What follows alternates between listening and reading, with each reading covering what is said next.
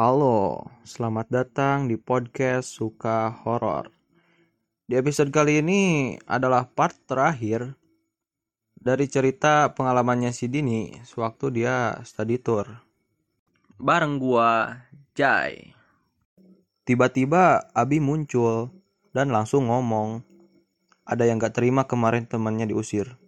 Dan ikut sampai sini. Kita harus beresin.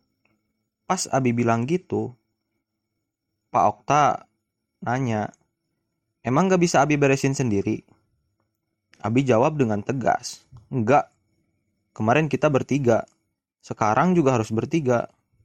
Masih ada banyak waktu sampai acara hiburan selesai. Dini cemberut tuh di situ. Dia nanya, Abi kenapa bawa-bawa aku sih? Terus Abi jawab, ada alasan kenapa Allah ngelibatin kamu.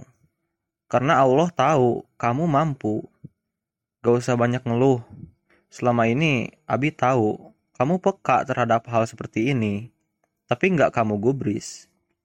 Dengar Abi ngomong gitu, entah kenapa ada semangat baru.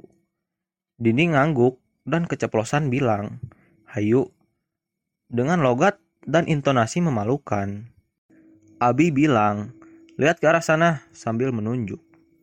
Dini dan Pak Okta spontan nengok. Tanpa aba-aba, mereka disuguhi penampakan sosok manusia tanpa kepala. Dini nggak bisa ngomong di situ, karena kelihatan jelas. Ditambah di atas pohon ada sosok yang bertengker di sana. Sosok perempuan berbaju merah dan mukanya itu hancur. Ngeliat kayak gitu, Dini dan Pak Okta gemeteran. Tapi anehnya, mata Dini nggak bisa merem. Pak Okta megang tangan Dini, dan dia bilang dengan terbata-bata. Ha, ha, ha, hayu lari Din. Tapi Abi nahan mereka. Dini ngeliat ke arah Abi.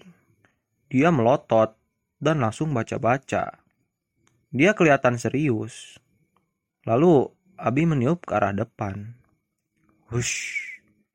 Lalu kedua sosok tadi tiba-tiba hilang. Alhamdulillah, gumam Abi. Abi ngajak Dini dan Pak Okta yang shock masuk ke dalam dan ngambilin mereka air minum. Alhamdulillah, pengalaman ya, kata beliau. Dini hanya senyum sedikit. Singkat cerita, Ketika naik bis, salah satu teman Dini kayaknya penasaran. Kenapa kok Dini sering sama Abi? Akhirnya dia nanya dan Abi yang jawab. Kemudian di bis Abi cerita kejadian yang sebenarnya. Berasa didongengin, teman-teman Dini malah pada tidur. Sesampainya di rest area, si Dini kebelet nih pengen pipis. Tapi Anehnya kaki si Dini ini mati rasa. Mungkin karena dia pakai jeans dan kelamaan duduk. Si Dini pukul-pukul tuh biar cepet pulih. Tapi tetap aja kayak gitu. Akhirnya Dini bilang ke temannya. Sampai 15 menit kakinya si Dini ini masih tetap gak bisa digerakin nih. Padahal itu udah sampai di Tasikmalaya udah beda provinsi. Teman Dini bilang ke Abi. Terus Abi ngomong. Terus Abi ngomong. Mereka masih gak puas.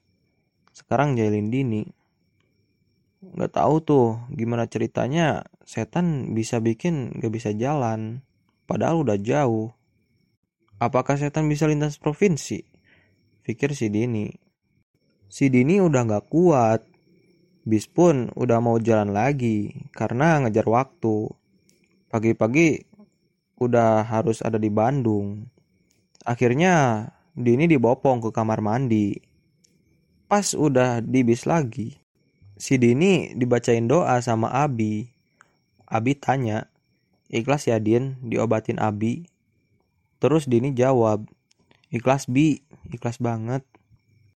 Akhirnya Abi baca-baca dan tiup ke arah kaki Dini.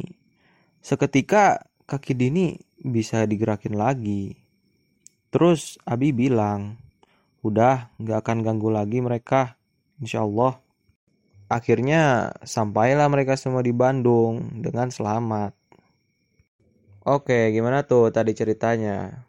Cukup menurut kalian?